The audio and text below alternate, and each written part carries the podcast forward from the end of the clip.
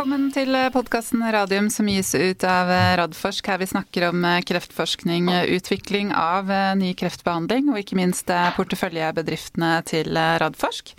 Episoden i dag, da har vi kommet til tallet 213, og det er Nordic Nanovektor. Det er blitt 9. februar, klokken er 11.30. Velkommen i studio, Jonas Einarsson. Takk skal du ha, Elisabeth. Likevel. Ja, likevel. Vi, vi fikk det til. Du var egentlig booka i møter, men så, så på magisk vis ordnet det seg. Jeg var på en ren rutinesjekk på sykehuset, og det var så effektivt vårt norske helsevesen at jeg var ferdig lenge før jeg trodde. Ja, Det er fantastisk. Og du fikk terningkast seks også av legen? Absolutt. Ja, men Bra. Det er godt å, godt å høre. Eh, det er kommet en del spørsmål til, til Jonas, men vi har også fått inn såpass mye spørsmål til eh, Erik og Marlene som jeg snart skal introdusere, at vi, vi, tar de spørsmålene som har kommet til deg spesifikt eh, neste uke. Og så har vi vært så heldige at vi har fått med oss en ny DNB-analytiker, som også skal komme neste uke. Fordi man kan jo si at det er litt sånn uro i norsk biotek nå etter PCI? Absolutt, absolutt. Og jeg ser også at mange av de spørsmålene går liksom litt på når, når det er fornuftig å investere, og når man skal kjøpe og, og selge. Og, og sånn ja, Det kan jeg bare kommentere på en ren generell basis, ikke på enkeltselskaper. Men det, det kan vi ta sammen med den analytikeren neste uke. Ja. Hvis jeg husker riktig, så heter han Geir Holum og er nylig starta i, i, DNB. Så det, da har vi tisa den. Da er det hyggelig å ønske velkommen til Erik Skullerud, CEO i Nordic Nanovektor. Ja, hei sann. Hyggelig å være med dere igjen. Setter frem til, ser frem til uh, samtale og spørsmål. Håper det blir like hyggelig som sist gang. Ja, det, det, må vi satse på, Erik. Absolutt. Og veldig velkommen til deg også, Melene Brondberg, CFO i Nordic Nanovektor. Tusen takk for det. Hyggelig å være med. Så bra. Det er jo en liten stund siden dere var med oss sist, og dere er jo i en ekstremt eh, spennende fase nå. Kanskje nesten litt sånn eh, nervepirrende, vil jeg tro, både for dere og for, eh, for aksjonærene. Fordi dette er jo så 2022 er jo året hvor vi ser dataene til, til betalutin. Og da er det jo liksom snakk om å bli registrert eller, eller ikke. Um, og dette gjenspeiler seg jo masse av de lytterspørsmålene vi har fått inn i dag. Tusen takk for de, forresten. Og jeg tror nok også, som vi snakka om, Jonas, at den situasjonen med PCI, den det har en smitteeffekt på, på de andre mm. firmaene. Det er jo helt uh, tydelig. Uh, vi skal snakke veldig mye mer om, om betalutin og ikke minst paradigmestudien. Og så skal vi snakke en del om uh, strategien for Nordic utover de tingene, Erik. Men jeg tenkte vi må liksom begynne med en litt sånn hva kaller man det for noe? I amerikansk politikk så har man en sånn 100 dager etter at den nye presidenten har kommet på plass, så har man på en måte en sånn eh, tale til folket. Jeg ser at det begynner man litt med i norsk politikk. Og du har jo nesten ja, du har sittet over 100 dager, men ikke så veldig mye mer enn det. Drøye fire og en halv måneder. Eh, hva, er, hva er status? Nei, altså Status er eh, For det første, jeg, sa det vel sist, jeg var utrolig, utrolig spent og syntes det skulle bli veldig morsomt å starte. Uh, jeg var vel hos dere sist gang etter en uke på jobben, tror jeg. noe sånt nå. Ja, stemmer det. Uh, og jeg er fortsatt, jeg er fortsatt veldig, veldig glad for at jeg valgte det jeg gjorde. Og syns det her er, er kjempemorsomt. Jeg syns det er utrolig hyggelig å høre fra investorer. Eh, eneste jeg vil si er husk på det er én av meg og 12 000 av dere. Så jeg prøver å svare så mye jeg kan, og jeg syns det er utrolig morsomt å høre fra, fra, de av dere som tar dere tid til å skrive til oss. Ikke alle eh, e-mails er like positive, men det er en del av jobben, det der òg. Så det er det ene. Det andre er jo Jeg har jo etter hvert hatt muligheten til å gjøre meg opp en mening om, om firmaet, og det er veldig mye spennende. Eh, vi hadde jo mulighet til å presentere noe nytt på R&D-dagen som vi hadde rundt slutten av november. Og eh, Jeg regner med at det kommer sikkert spørsmål på det også etter hvert i dag. Jeg skal ikke si altfor mye om det nå, men jeg syns hele porteføljen til Nanovektor Jeg var imponert når jeg gikk inn, jeg er enda mer imponert nå. Eh, og så er det de menneskene jeg får lov til å jobbe sammen med. Det, er, det er utrolig hvor mye disse menneskene jobber, hvor hardt de jobber det er, det er, lett å sitte på utsiden og si hva er det dere egentlig holder på med, men tro meg når jeg sier eh, det er utrolig mye god jobb som gjøres av, av menneskene i firmaet. Eh, og det siste er jo dette er virkelig året for oss. Eh, det er et kjempespennende år. de av oss som har jobbet i biotek og er i små firmaer, dette er grunnen til at vi er der. Jeg synes du, sa, du sa noe Elisabeth, om at det kanskje var litt nervepirrende. Ja, men det er jo faktisk det som driver oss. Og det er det som gjør det her så spennende og så morsomt. Så eh, vi har stor tiltro til det vi holder på med. Vi har stor tiltro til Betalutin først og fremst, men også resten av pipelinen vår. Eh, og året som sådan blir kjempespennende. Det, det ser vi veldig, veldig fram til. Det gjør vi, vi også, Einarsson. Det er ikke noe tvil om absolutt. det. Nei da, det er som, det er som Erik sier. Vi, altså, vi, som har, og spesielt vi i Radfors som har vært med i disse selskapene fra fødselen. Og for noen av selskapene begynner det å bli en ganske lang svangerskap, for å si det sånn. Så, så, og da er det de randomiserte dataene når de endelig kommer. Og det er det jo flere av selskapene våre som skal levere på nå, både i år og, og til neste år. Og det får litt ekstra sommerfugler i magen da, altså. Men eh, vi har jo tro på teknologien. det er derfor vi har investert. Absolutt. Marlene, fra din side, har du noe å tilføye? Da tenker jeg egentlig mest sånn i forhold til å ha fått inn Erik eh, som, som CEO. Nei, jeg syns jo han gjør et riktig godt jobb. Så uh, det er jo veldig positivt og veldig god til både å kommunikere, syns jeg, uh, ut, men også internt. Og det er, jo, det er jo viktig at man internt også har en god champion. Mm. Jeg kan godt legge, legge til, her, til, til, dere også at uh, jeg får jo veldig mye tilbakemeldinger fra investorer og rundt de forskjellige selskapene og den uh, måten eh, Nordic Nanovektor nå har uh, kommunisert på uh, i, den, i, den, siste tiden, og også det Erik, at du faktisk tar deg tid til å svare så mange mailer som du gjør. Jeg, jeg ser jo alle svarene dine på Tech-Investor, de blir jo, blir videreformidla der. og Det, det syns jeg er smått imponerende, for jeg vet hvor mye jobb dere egentlig har. Men samtidig så kan du si at dette, dette burde man ikke bruke tid på, men man må nesten det, altså. Fordi det er investorene dog som har investert og eier i, i selskapet, så jeg setter veldig stor pris på det. Det er hyggelig å høre. Absolutt. Vi har fått tilbakemelding fra, fra lyttere om det, om det samme. Eh, jeg tenkte vi skulle Du nevnte så vidt eh, R&D-dagen, Erik, så jeg tenkte vi skulle gå til den. Ja, den var jo i november, så det er ikke så lenge siden. Eh, og der presenterte dere jo en, en strategi altså for Nordic, sånn utover betalutin. Og da særlig veit jeg at dere fokuserte på planene rundt å utvikle behandling da, for lymfekreftpasienter rundt CD37 som, som mål. Kan ikke du utdype litt tankene og planene og sikkert også de prekliniske dataene dere har på en del av dette. Mm. Altså det var, det var uh, veldig, veldig, fint når jeg liksom kom over den kneika med, med, først og fremst å begynne å se på hva som faktisk lå i selskapet. Så ble det veldig fort veldig klart for meg at vi har brukt altfor mye tid til å bli nærmest kategorisert som et betalutin-firma. Og Det er ikke noe gærent med det, uh, men vi har mye, mye mer under panseret. Um, mye mer som vi, vi, kan, bør og må snakke om. Så Det var liksom første, en av de første refleksjonene som jeg gjorde etter at jeg startet. Uh, og ut av det så, så, kom det vi begynte å snakke om i, uh, i november måned. Uh, og for å være helt ærlig, vi, vi er fortsatt midt inne i en, i en strategisk review med å se på for det første strategien vår. Eh, og dere så det første den 30. november. Vi ser også på hva er det som nå skal til for å, å bygge en bru mellom der vi er nå, klinisk, klinisk utvikling, og kommersialisering. Uh, og, og, det er veldig spennende. og Det betyr også at vi kommer til å gjøre endringer i, uh, i firmaets måte å, å, å, bære på og oppføre seg på. Uh, fordi at vi trenger vi trenger eh, mye mer eh, ressurser til å gå til kommersialiseringen. Og vi, vi behøver å planlegge det nøye eh, før vi kommer så langt.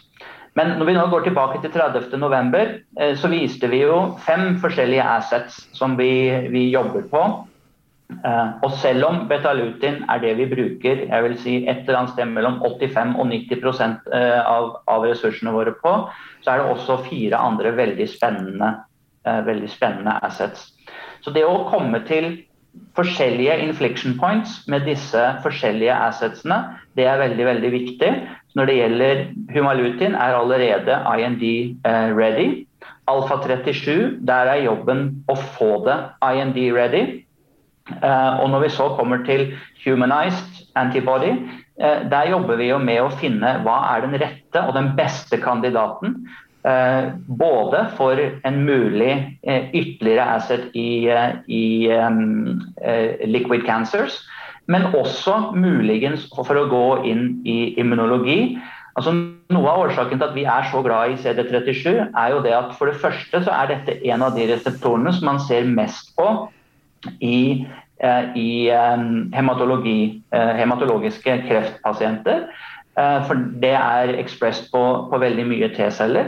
Men det er også i mange immunologisykdommer så er dette også en viktig reseptor. Så vi mener jo at når vi nå, når vi nå har en, en, eh, humanized antibody, eller antistoff, som går direkte på, på det eh, uten payload i dette tilfellet her, så gir de oss ytterligere muligheter eh, også innenfor immunologi eh, etter hvert. Og så til slutt eh, vår eh, Eh, CD37 CAR-T.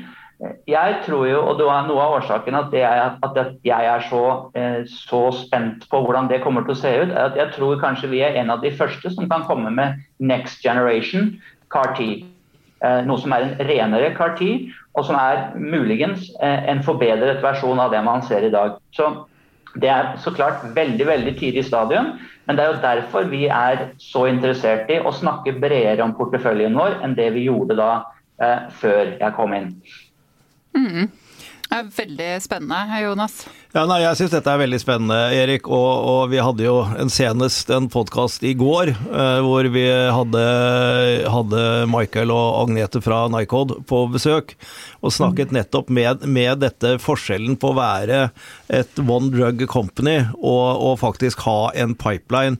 Og faktisk ha noe som kan utvikle seg til å bli en teknologiplattform. Som jo gjør at man kan legge helt andre strategier for hvordan man utvikler selskapet videre. Har du, har du den er, er, du one drug, det er ikke noe feil med det, men, men da er det jo eh, samarbeidsavtale, markedsføringsavtale, oppkjøp når man har de, de, beste dataene, som jo da selvfølgelig kan være en veldig hyggelig exit for eh, investorer, for all del. Men det som er gøy, er jo å bygge et selskap videre basert på også på en plattform. Så jeg syns det er veldig spennende. Bare bitte litt, grann, eh, Erik, du brukte uttrykket to ganger IND ready. Kan ikke du for de lytter som ikke skjønner den, forklare den? Jo, altså det, det, vil jo rett og slett si at du har et medikament som er klar til å gå inn i kliniske studier. Nettopp. Um, og, og, For å kunne gjøre det, så er det veldig mye preklinikk, det er, eh, det er dyreforsøk, det er en masse du skal, gjøre, du skal gjennom. Uh, du skal se på produksjonsmetoder osv. Når du kommer til et visst punkt der, så kan du si, og du kan da sende inn en, en um, søknad om å få en, en såkalt IND.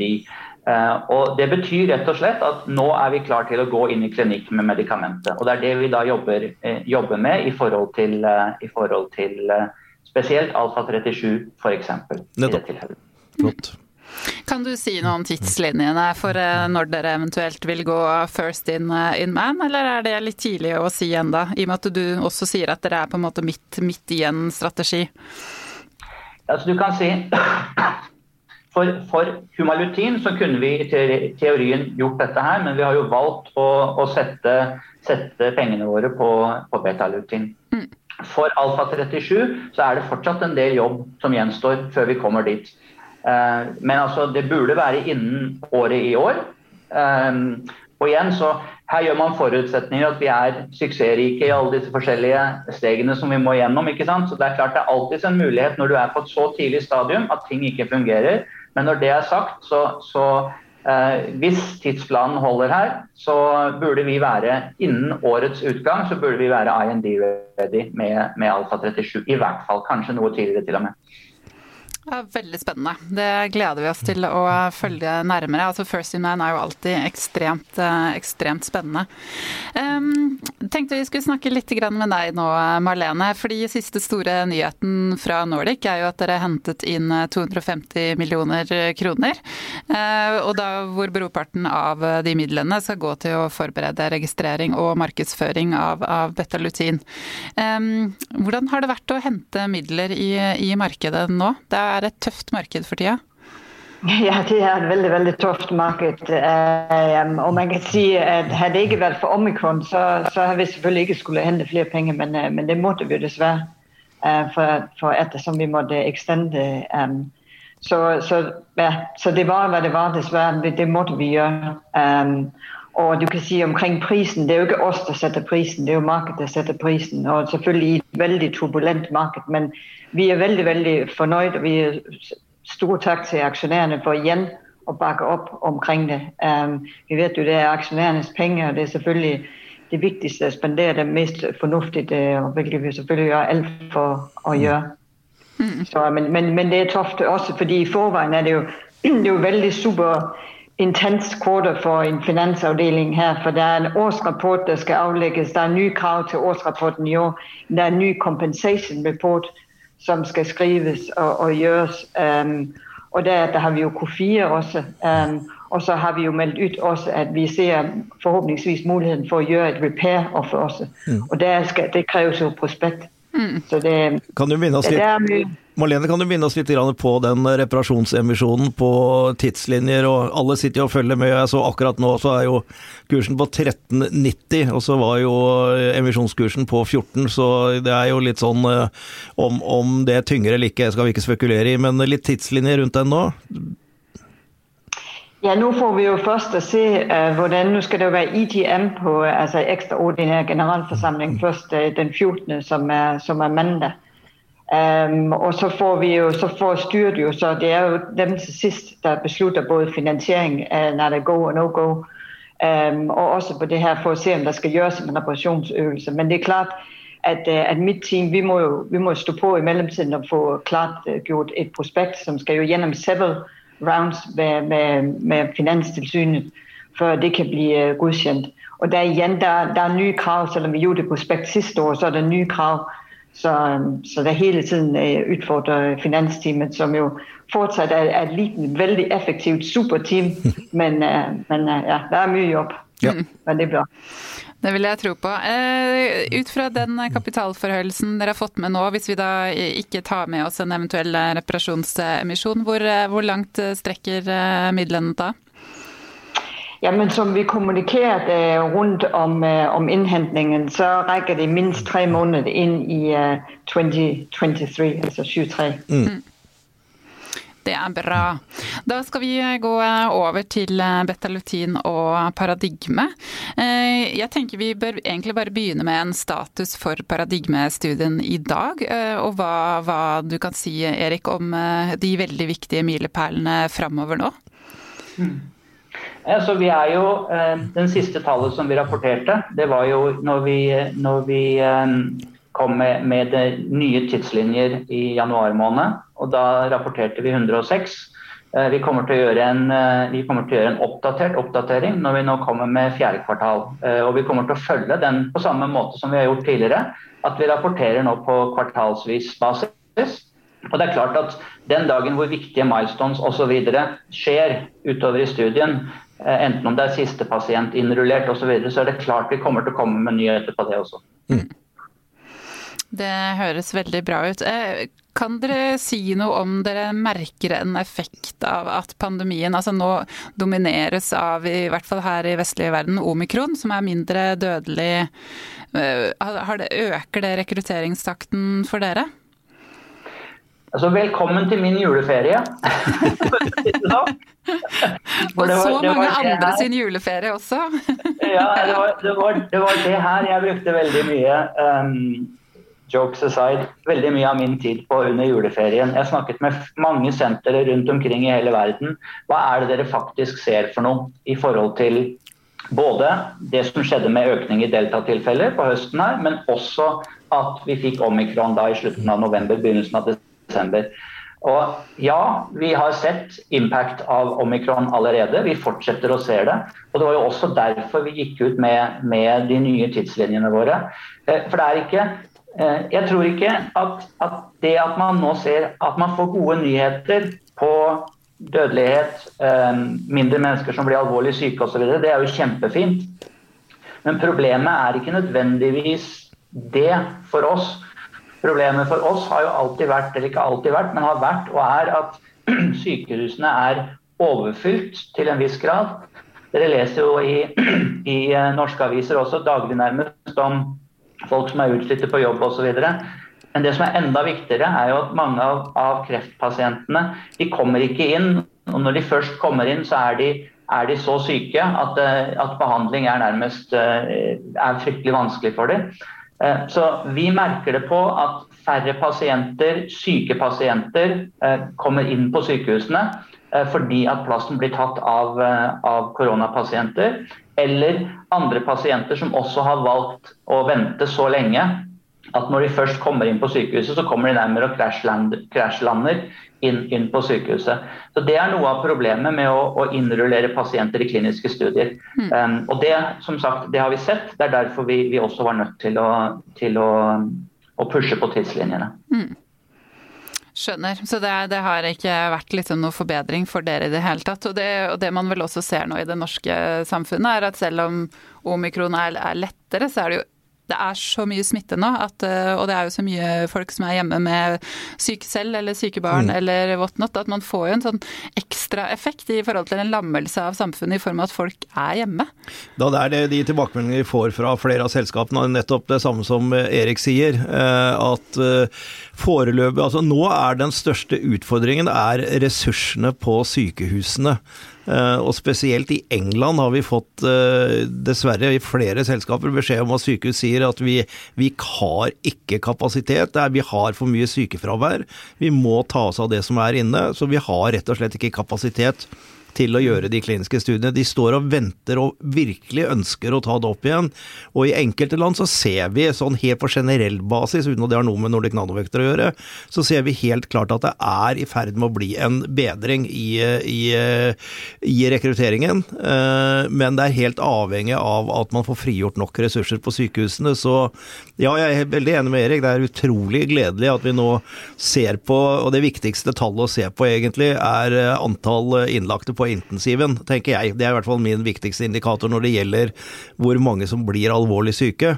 Men det er veldig, veldig mange som kommer innom sykehuset, selv om de er der i kortere tid og krever mindre ressurser, så er det så mange at vi, fortsatt, vi er fortsatt i pandemien når det gjelder helsevesenet. Absolutt. Um, ja, uh, som nevnt så har jo da det med at PCI Biotech måtte avbryte sin registreringstur, fått fått en smitteeffekt. Og det, det, det gjenspeiler seg litt i de, noen av de spørsmålene vi har fått fra lytterne. Spesielt i forhold til konkurransesituasjonen rundt betalutin. Eh, så jeg tenker, før vi går over på lytterspørsmålene, Erik, hva, hva kan du overordnet si om konkurransesituasjonen til betalutin?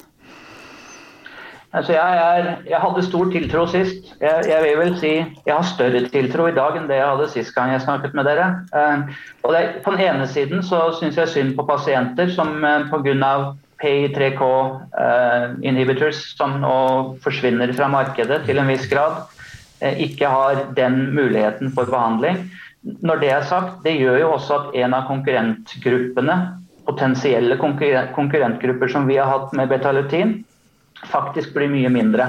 Eh, og man kan kanskje si at det var, dette var en av de som kanskje var den største konkurrenten til, eh, til betalutin. Nå er jo ikke alle borte fra markedet, men når det er sagt, så er det ingen tvil om at akkurat i den, den delen av markedet som vi kommer til å konkurrere på, så er den utviklingen for betalutin isolert sett positiv. For pasienter som sagt ikke nødvendigvis bare positiv. Mm. Men du, eh, vi har fått inn et lytterspørsmål rundt det som du kaller PI3K. Det, kan du forklare litt mer rundt det? For det tror jeg ikke, i hvert fall jeg er ikke oppdatert. Altså det er jo, dette er disse, disse medikamentene som i, en eller annen måte ender på SIB. Eh, SIB og Kopan i SIB og hva det nå heter for alle, alle, sammen. Men altså, der har man jo sett press, eh, presseuttalelser fra tre eller er det fire selskaper som i av en eller annen grunn så trekker de, trekker de seg bort fra markedet. Det betyr ikke at, det, at alle disse her har problemer, eh, men av forskjellige grunner så, så, så, skjer det ting rundt omkring dem. Og Det virker som at det er flere ting som skjer her. Noe av kanskje det viktigste for alle disse her, er at FDA går ut og er mye mer kritisk på det som, på det som kalles disse fase 3 confirmatory studies.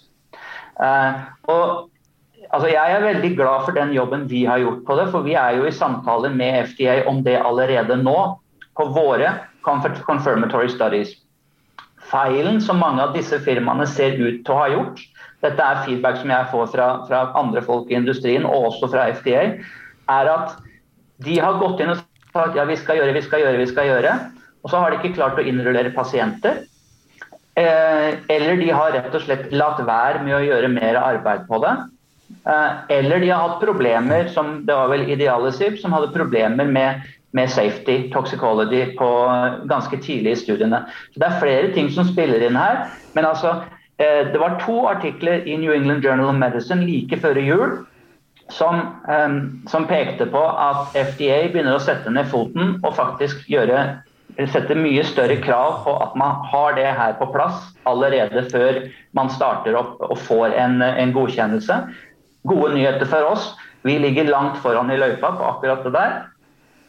Dårlige nyheter for de, for de andre. De har kanskje latt være å gjøre en del jobb som de ellers skulle ha gjort. Mm. Og det er, det er, vel det som treffer da PI3K-inhibitorene eh, akkurat nå. Nettopp. Har du kommentar til det? Nei, altså Jeg syns det er en veldig god analyse av, eh, fra, fra, Erik. Og det er eh, litt lærdom for meg også, fordi eh, jeg trodde mer at det gikk på safety-issuene. Men, men, hvis man da i tillegg ikke har innhentet de nødvendige data, og dette går igjen på at de regulatoriske myndighetene nå det, det, er ikke nok for de å bare se på endpoints og data fra sånne studier. Du, du, må også kunne vise hvorfor får pasientene disse bivirkningene, hvorfor får du effekt hos noen pasienter, hva er det med pasientene som ikke får effekt? Altså Du må ha mye mer data som forklarer resultatene dine, enn det vi hadde tidligere, hvor på kjemoterapi f.eks., hvor, hvor det var bare endpointen, var det tre eller fire måneder mer median overall survivor eller progression free så var det liksom det, det, da, da, var det i orden. Men nå, nå, er det så veldig mye mer biologi som de krever. Og det vet jeg at vi jobber med i alle selskapene, med biologi fra, egentlig fra de aller første studiene. Mm. Og det er jo absolutt et rasjonale. Det er ja. Så lenge man kan ha mulighet til å finne ut av hvordan noe fungerer biologisk, så bør man jo gjøre det. Eh, hvis vi går over til lytterspørsmålene rundt det med konkurransesituasjonen, så er det en lytter som lurer på hvilke dere anser som de største konkurrentene per i dag? Altså, som, som, sagt, vi, vi, så jo på eh, PI3K som en, en mulig konkurrent. Men når det er sagt, så er det jo Dette er jo den jobben vi har brukt nå flere år på. Jeg skal ikke ta, ta krediten for alt det her, men jeg tror det vi har gjort veldig bra innenfor nanovektor, er at vi har sett på pasientmengden. Og så har vi sett på hva er det som faktisk karakteriserer disse pasientene. Og det er ut ifra det man må se på også konkurransesituasjonen. Så Jeg vet jo at det er mange som, og jeg ser dette på spørsmålene jeg også får, som ser på både bispecific antibodies og på CAR-T, og så sier de i økende grad til oss Dette er spørsmål jeg får på, via e-mail. Nå må vel disse også være konkurrenter. Eh, men som jeg har sagt til mange av de, og som folk har da tydeligvis også sett på Tech-investor, eh, jeg tror ikke helt på det. Eh, og årsaken er følgende. CAR-T er ingen direkte konkurrent for oss. Og jeg har jo sett hva, hva Kolstad har sagt om Elara-studien, og jeg er slett ikke uenig med han. Det er veldig gode resultater. Men når det er sagt, så må man også se på hvilke pasienter er det dette faktisk er gode resultater i. Dette er i relativt det er kanskje feil å bruke ordet, men friske pasienter, fit, sier man på, på, på engelsk. Og når man kategoriserer disse pasientene, det er ikke nødvendigvis pasienter med veldig, med veldig mye og tung sykdom. Eh, og det er også pasienter som man derfor synes at disse kan klare belastningen av disse medikamentene. For det er jo det som er det på den andre siden. Toksikologi, toksikologi uh, innenfor CAR-T. Uh, det er advarsler både, eller på begge to av de CAR-T-medikamentene som er på markedet i USA, om, om eh, cytokine release syndrome. En mulig veldig farlig bivirkning. Og den skal helt klart behandles av, av de virkelige spesialistene på området.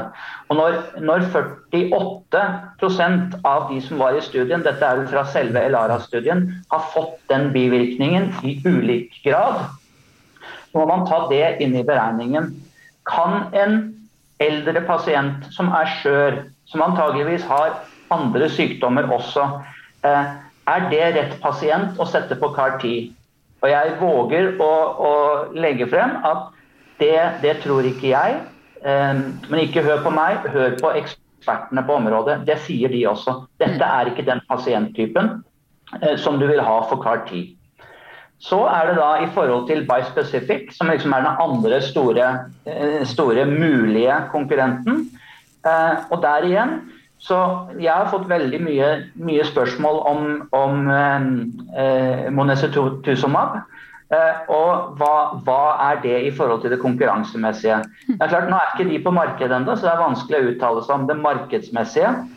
Men når det er sagt, hvis du ser både på det som blir presentert på Ash nå tilbake i november, men så legger du til også fase 1-studien, og det kan man google og se på, på internett, så ser man jo at også disse medikamentene har problemer med dette, dette cytokine release syndrome.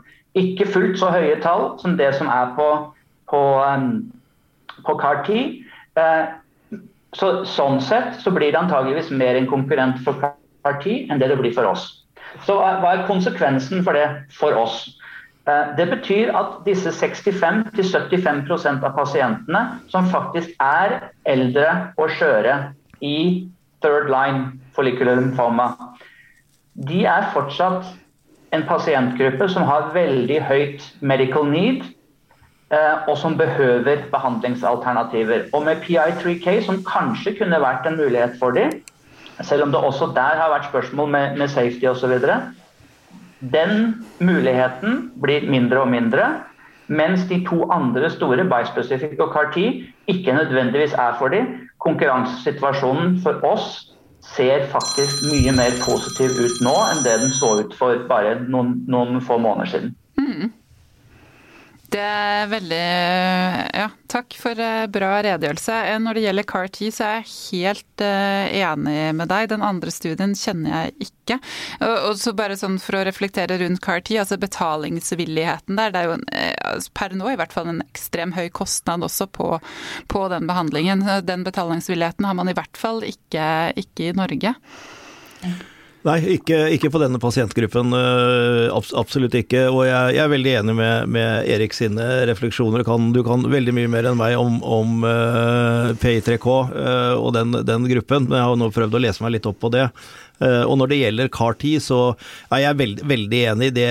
CAR-10, så lenge den er den første generasjonen som er nå, er for, de, for yngre mennesker, først og fremst, med veldig lang levetid og gode leveutsikter hvis de kommer seg gjennom både behandling og bivirkninger. Mm. Uh, og vil nok være, være foretrukket der. Og la oss nå også krysse fingrene for at det kommer både en annen generasjon CAR-10 og kanskje til og med litt, litt andre typer celleterapier, som f.eks. et av selskapene våre, Seluna, jobber med. Men uh, jeg syns nok det begynner å utkrystallisere seg at den pasientgruppen som beta-lutin i første omgang er beregnet for, eh, begynner å bli eh, en bra konkurransesituasjon, vil jeg tillate meg å si. Mm.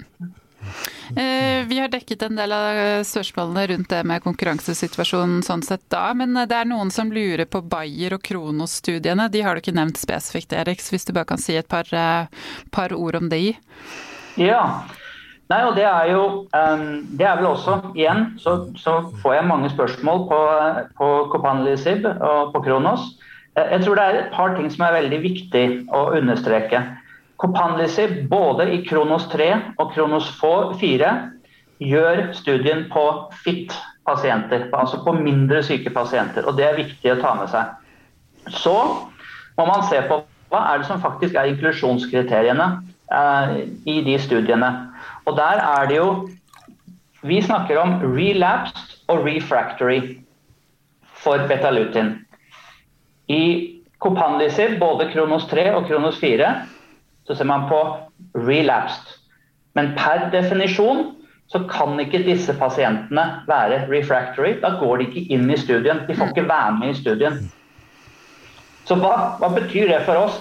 Her snakker vi om to helt forskjellige pasientgrupper. Så når FDA kommer til å se på dette her, og dette er jo årsaken til at vi sier vi tror ikke at Copanlisib kommer til å være et problem for oss. Um, så kommer, kommer, mest sannsynlig FDA til å si yes, dere kan få en full godkjennelse, eh, Bayer. Eh, men dere får det kun i de pasientgruppene som dere har sett på. Og det betyr de som er relapsed, men ikke de som er refractory. Per definisjon så skal de som går inn i våre studier både være relapsed og refractory. Det betyr at vi konkurrerer egentlig om forskjellige pasienter. Det betyr også at når de får sin fulle godkjennelse, for jeg forventer at de kommer til å få det, så ser jeg liten mulighet for at det kommer til å påvirke oss og vår mulighet for å få, eh, for å få accelerated approval osv. Mm. Supert. Eh, da har vi fått inn en god del spørsmål om eh, hva som skjer etter eh, dataavlesningen. Så da kan vi bare gå gjennom de.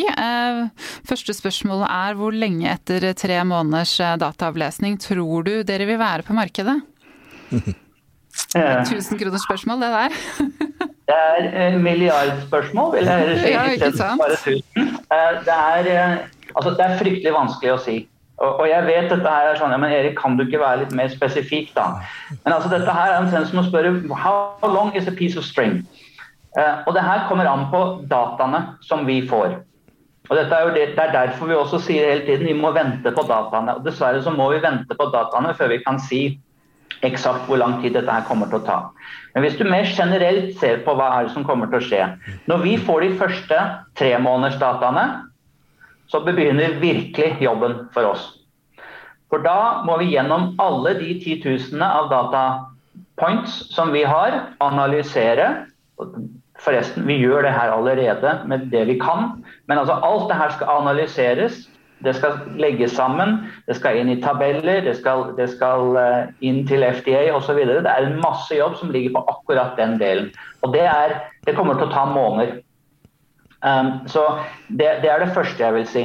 Så, når vi så sier at ok, nå har vi kommet oss gjennom den analysen, og vi har kommet oss dit at vi kan, vi kan sende det til FDA. Det første FDA kommer til å gjøre, er å motta med takk. Så kommer du til å bruke to måneder på å se i hvilken forfatning er den filen som dere har sendt til oss, Nordic Nanovektor. Og etter de to månedene så kommer de til å si ok, dette her er veldig bra. Dere har veldig gode data. Dere kommer til å få en, en um, uh, accelerated priority review. Den kommer til å ta seks måneder. Det er det ene uh, alternativet. Det andre er dere får en normal review, og det tar ti måneder. Så enten så kommer vi til å få tolv måneders review, eller vi kommer til å få åtte måneders review. Og ut ifra det så kan man da si det kommer til å ta ca. to til tre måneder før du får den endelige godkjennelsen til vi kan være på markedet med medikamentet. Eh, jeg kan ikke si når den datoen er, men dette her bør gi investorer også en viss følelse av hva det er vi skal gjennom før vi kan da gå på markedet. Mm. mm. Absolutt. Eh, noe å tilføre? Nei, eh, absolutt ikke. Det er eh, helt, helt, riktig i forhold til de generelle tidslinjene. Og så igjen, det er tyngden av dataene som, som avgjør hvor, ja. hvor kjapt det går. Ja. Så er et, et spørsmål til. Dersom dere får midlertidig godkjennelse etter paradigme, kan fase tre bli finansiert helt av inntjeningen dere vil få på salg av betalutin? Det er igjen litt sånn How long is a piece of string? Det, det, jo, det, det, er veldig mye som kommer an på her. Men noe av årsaken til alt dette her la meg, la meg ta et steg tilbake. Det første som vi behøver å få, få orden på, er hvordan kommer vår fase 3-studie til å se ut. Og det sa vi jo allerede, eh, var det tilbake på Q3. Uh, vi treffer FDA i mars måned. Og der, der, kommer diskusjonen til å være på vår design av fase 3-studien. Så det er det første vi må få på plass. Så når det er sagt, eh, vi er jo ute etter gode partnerskap, og det jobber vi med. Eh, sånn at vi kan forsøke å fordøye så mye som mulig av kostnader på videre utvikling. Altså, Jeg tror jo ikke at det er noen framtid for oss å bare skulle gjøre allting for oss sjøl. Det er ikke det som er poenget her.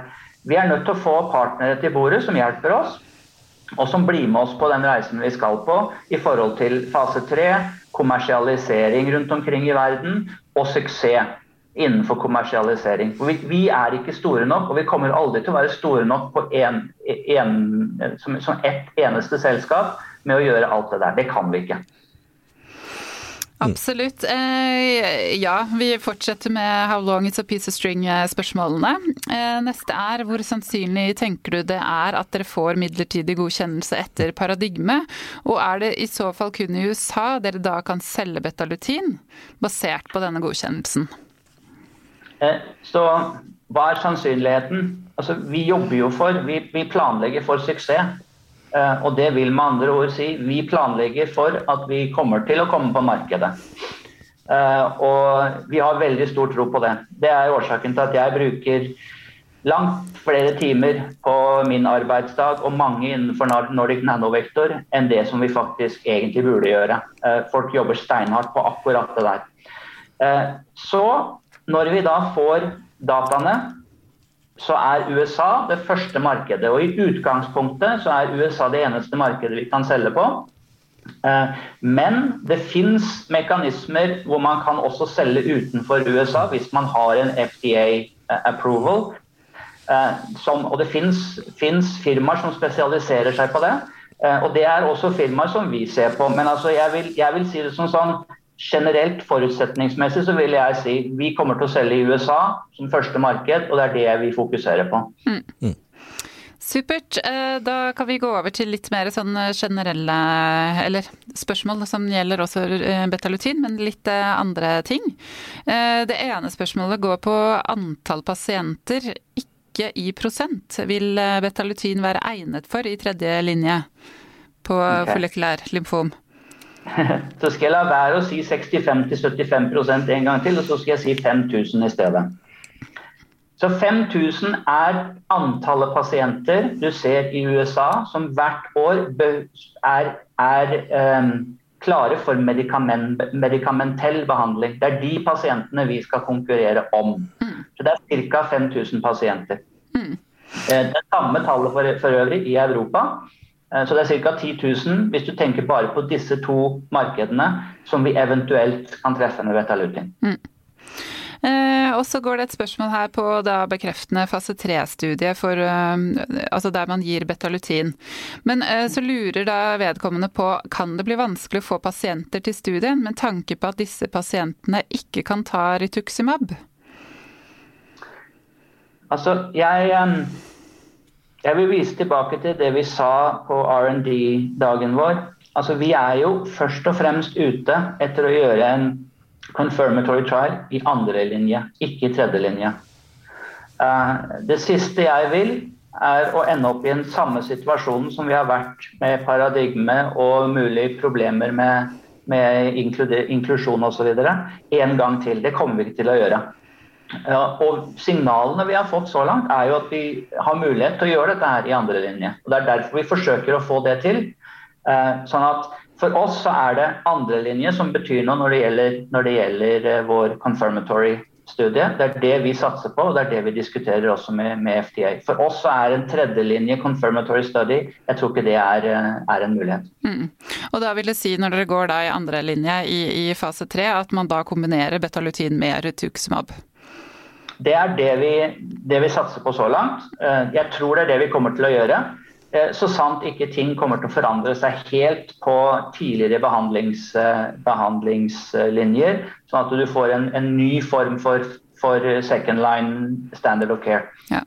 Og akkurat den der, der har vi snakka mye om i podkasten i det siste. Fordi det der å se inn i glasskula og vite hva som er standardbehandling eh, innafor de ulike linjene, det er søren meg ikke lett, altså. Nei, det er, den, det er, jo den store utfordringen. Og vi ser jo hva som skjer når standard of care eh, endrer seg mens du er inne i, i studier. Så det, det er jo nettopp derfor det er så viktig å ha dette internasjonale kontaktnettet til alle key, opinion leaders, og også for så vidt innen, innen farmaselskapene, å overvåke skjer det noe nå som kan endre standard of care mens vi er inne i en studie. Så det går jeg ut ifra at uh, Erik og co. har et ganske godt fokus på. Ja, vi har det. Det er bra. Eh, ja, da går vi videre. Da kan vi gå over til litt mer sånne prisspørsmål. Er prisen dere kan sette på en midlertidig godkjent medisin lavere enn det dere kan sette på en endelig godkjent medisin? Eh, jeg vil si kort, kort nei på det. Den prisen vi får Nå snakker jeg om amerikanske markedet. Den prisen vi får når vi får det godkjent, vil være også den prisen som vi får ved full godkjennelse. Mm. Eh, og neste spørsmål er eh, om dere kan si noe om hvilket prisintervall eh, du tenker at betalutin vil bli solgt for. Snakker man over 500 000, snakker man over en million? Har du eller andre tall? Altså jeg, måten som prissetningen skjer på i, i farmabransjen, er jo sånn at man, man, ser alltid på hva kan man sammenlignes med. Og Det er ikke vi som, som setter det, det er, det er prissettende myndigheter. Eh, og hvis du ser på hva er det, hva er det de sannsynligvis ville, eh, ville, sette som sammenlignbare priser for oss, så er det de andre som er, er det, på det markedet. Eh, og det vil jo da kanskje være PI3K først og fremst. Hva var prisen på det? Så tror jeg jo at hvis, du, hvis man i, i, utgangspunktet også kanskje ville ha sett på Bispecific, så vil jeg tro det vil være mye vil være veldig veldig dyrt og kanskje nærmere CAR-10. Så jeg ville nok ha sett på PI3K og sett på den prisen. Og de ligger jo på et sted mellom hva er det, 90 og 150 000 eh, dollar eh, gross. Eh, så det vil jeg tro at I det området der vil også prisen for Betalutin ligge, rundt regnet. Men så mm. klart, vi har én injeksjon. De har treat until progression. Eh, vi har store fordeler både på det og vi har store fordeler på toksikologi. Så det, så det, er, det må man også ta, ta med i, eh, i det resonnementet.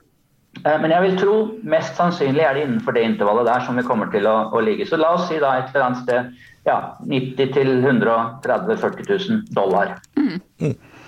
Og da blir det over 500 000. Nesten antageligvis over 1 million, pluss minus. Kjempebra, takk skal du ha. Eh, og så har du jo vært innom det med partnersamtaler, det har vi også fått et spørsmål om. Eh, kan siste emisjon på krone 14 være den siste emisjonen før eh, betalutin kommer på markedet? Jeg tror Jeg håper at den som stiller spørsmålet, mente siste før vi får dataene. For det skal vi klare. Mm. Før vi kommer på markedet, håper jeg vi har snakket om nå som folk innser at det er ikke, det er ikke naturlig. Eh, men det er klart, når vi får de dataene vi forventer, så kommer det partnere til bordet og vil snakke om å hjelpe oss å jobbe med oss. Jeg tror det, jeg tror det er det, det lytteren eh, hinter til, at, du, at, at, det kan være den siste, skal vi si, eh, kapitalinnsprøytningen som kommer gjennom en emisjon, men at den kan erstattes med et eventuelt partnerskap, at det er en mulighet for det. Altså, det er ingen tvil om at Den dagen vi får de dataene vi forventer, så kommer vi til å se på all mulig finansiering. Men når det først og fremst er sagt, så er det vi skal først komme til dataene, eh, og så må vi ta det deretter. Eh, men dit skal vi komme, og det er jo det vi håper på eh, med de pengene vi nå har i kassa. Ja. Mm. Supert. Og så har vi et siste spørsmål som viser til en, en artikkel der Roy Larsen ble intervjuet tilbake i 2016, så det var ikke akkurat uh, i går. Um, og det, som går rett og slett på uh, prisingen av uh, selskapet. og altså, da tror jeg han, Roy svarte at rundt 20 milliarder. Um, var, var, en fair prising. Og spørsmålet går egentlig til deg, Erik. Hva syns du er en fair prising av selskapet på det tidspunktet vi er nå? Altså, jeg vil vel si det som sånn, jeg jobber i farmabransjen og tror jeg har mye peiling på farma og bransjen som sådan. Jeg skal ikke våge meg på å være aksjeanalytiker og, og prøve å forutsi hva priser skal bli osv. Jeg, jeg vet ikke, for å være helt ærlig, hva er, hva er verdien på dette her. Det jeg kan si er ut ifra det jeg har sett gjennom mange, mange små biotekfirmaer, ingen tvil om at vi har, at vi har en uh, diamond in the rough. eh, i, i hendene. Men å derfra gå og si om dette her skal bli milliarder eller titalls milliarder, eller hva det nå er for noe rart, umulig for meg å si. Jeg, eh, jeg holder meg til det jeg er dyktig på. Jeg vil ikke våge meg ut på spekulasjon på det der. Høres fornuftig ut. Einarsson, du er, liker å spekulere, du? ja da, jeg, er, jeg, kan slippe meg litt mer løs sånn. Nei da, jeg er veldig enig med Erik der. Altså, det, er, det, er, to ting som bestemmer prisingen. Det ene er markedet, og det andre er betalingsvilligheten fra et Big Pharma-selskap. Og det kan være veldig forskjellig. Det har vi jo sett tidligere. Vi har én en eneste her eh, på berget som er en benchmark, og det var at Bayer var villig til å betale 2,8 milliarder dollar den gangen for Algeta. Mm. Uh, og Det er den eneste benchmarken vi har på, på den verdien. Uh, men det er altså som regel en veldig stor forskjell på hva markedet er villig til å prise. I hvert fall før med datausikkerheten. Og det er jo det Erik nå hele tiden sier. Vi må vente på dataene. Og avhengig av dataene så vil vi se en reprising opp eller ned av Nordic Nanovektor, er i hvert fall min uh, spådom på det.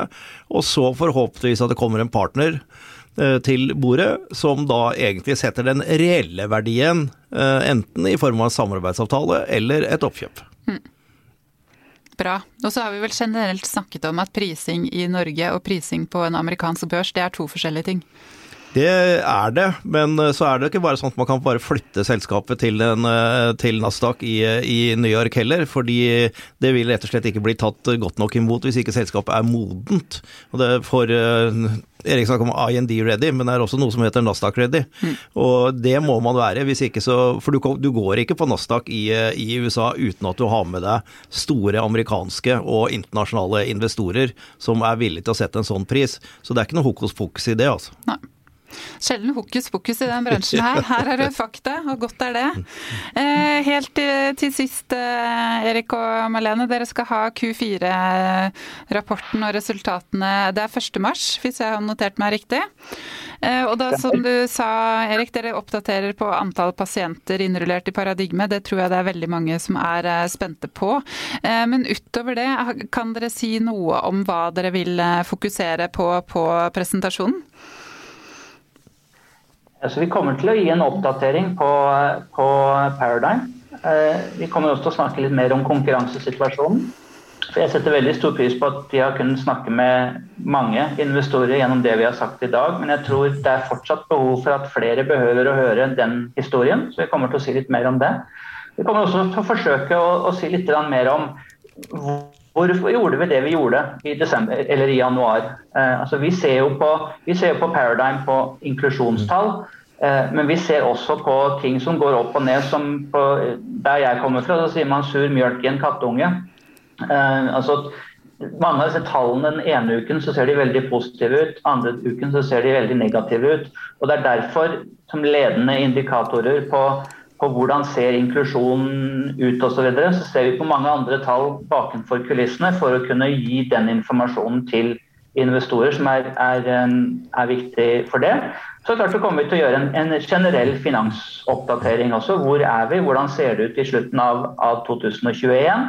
Eh, og igjen gi større Eh, gi en større comfort eh, rundt om det vi da sier i forhold til hvor lenge skal da midlene rekke for oss. Det er vel innenfor det der som vi kommer til å gi de, de aller fleste oppdateringene. Hmm. Det høres ut som en eh, bra presentasjon som er vel verdt å få med, få med seg. Har du noe final remarks, Einarsson? Nei, det er, eh, det er, altså Alt er fortsatt så mye avhengig av eh, pandemien. Eh, vi må liksom ikke glemme det. Selv om vi ikke snakker om pandemien lenger, så, så er den der og har sine implikasjoner. Så vi får bare krysse, krysse, fingrene for det, og så er det jo selvfølgelig å se fram til, til dataene som vi, som vi, venter på i spenning. Mm. Litt usikker på hvem du snakker med, fordi de fleste jeg snakker med snakker om pandemien. For det er så mye smitte. Men ja, nei, kanskje... det, jeg har liksom følelsen av at det ikke er det, det, er kanskje det er store samtaleemner, men hvis du leser aviser og nyheter, så kommer det relativt eh, langt ned på lista nå, men eh, Men det tenker jeg det er godt. Det er Nyhetsmessig så har vi fått, fått litt nok, tror jeg. Ja.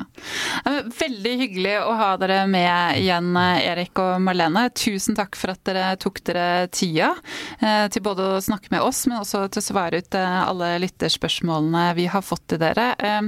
Masse lykke til til med viktig arbeid videre. Så ser jeg fram til å ha dere med i podkasten igjen snarlig. Ja, tusen takk for invitasjonen. Det var veldig, veldig hyggelig. Vi ser fram til ytterligere invitasjoner. Kommer gjerne igjen. Så bra. Flotte greier. Tusen takk. Hei. Ha det bra. Ha det bra. Takk.